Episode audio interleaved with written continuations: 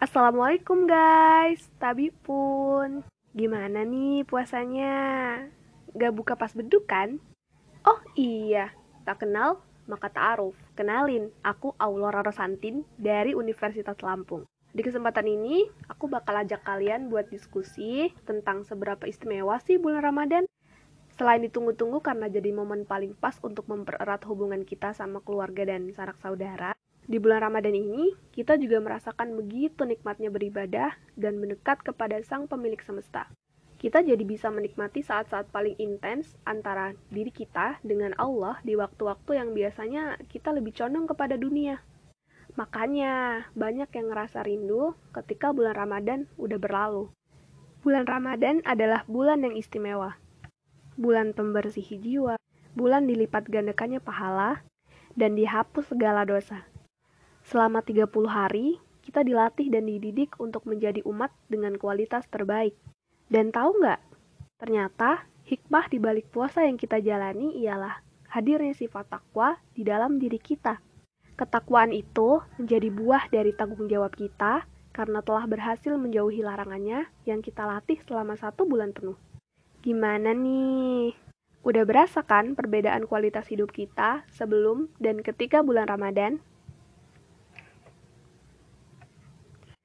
Tapi nggak kerasa ya, ternyata kita sekarang udah ada di penghujung Ramadan. Dan sebentar lagi, kita akan berpisah dengan bulan yang istimewa.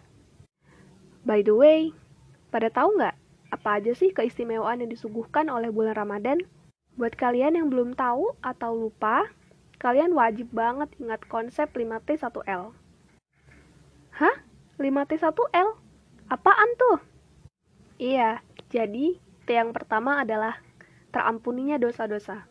Sebagai manusia yang setiap detik selalu hilaf, barang tentu keistimewaan satu ini jadi senjata terbaik buat kita.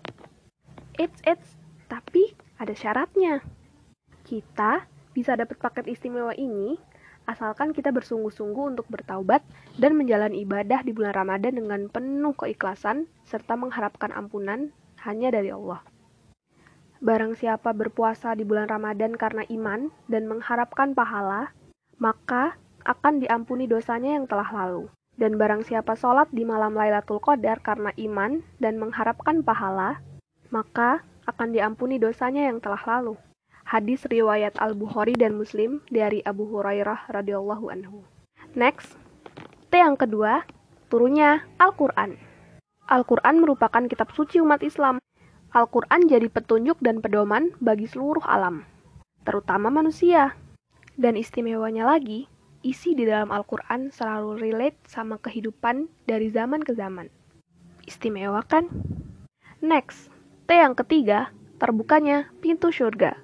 Terbukanya pintu surga ini jadi filosofi bahwa Allah membuka kesempatan selebar-lebarnya buat semua manusia berlomba-lomba berbuat baik, membenahi dirinya, mendekat sama Allah, dan membenahi kualitas ibadahnya yang harapannya ke depan bisa lebih istiqomah lagi.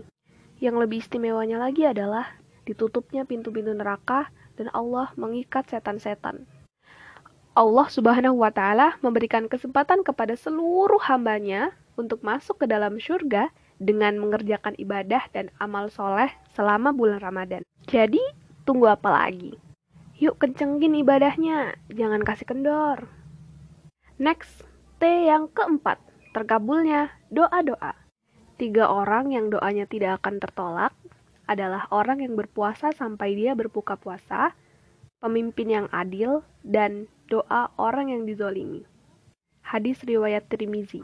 Maka dari itu, kesempatan kita terbuka lebar nih untuk memanjatkan doa dan dikabulkan oleh Allah Subhanahu wa taala di bulan Ramadan ini. Jangan kita sia-siakan ya. Selain yakin, dalam berdoa kita juga harus pede. Minta sama Allah. Percaya. Percaya dengan segenap-genapnya hati bahwa Allah akan mengabulkan doa kita. Next, T yang kelima. Terlipat gandanya pahala.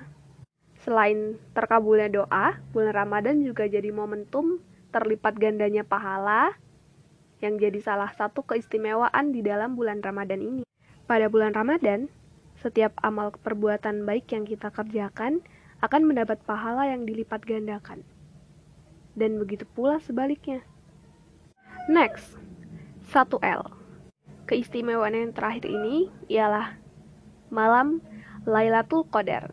Sebagaimana kita tahu bahwa malam Lailatul Qadar merupakan malam yang lebih baik daripada seribu bulan. Malam Lailatul Qadar biasa dicari pada 10 malam terakhir di bulan Ramadan. Siapa pun yang mendapatkan malam Lailatul Qadar ini, dia akan sangat beruntung karena ibadah yang dilakukan sampai di umurnya ini gak sebanding sama perhitungan seribu bulan beribadah.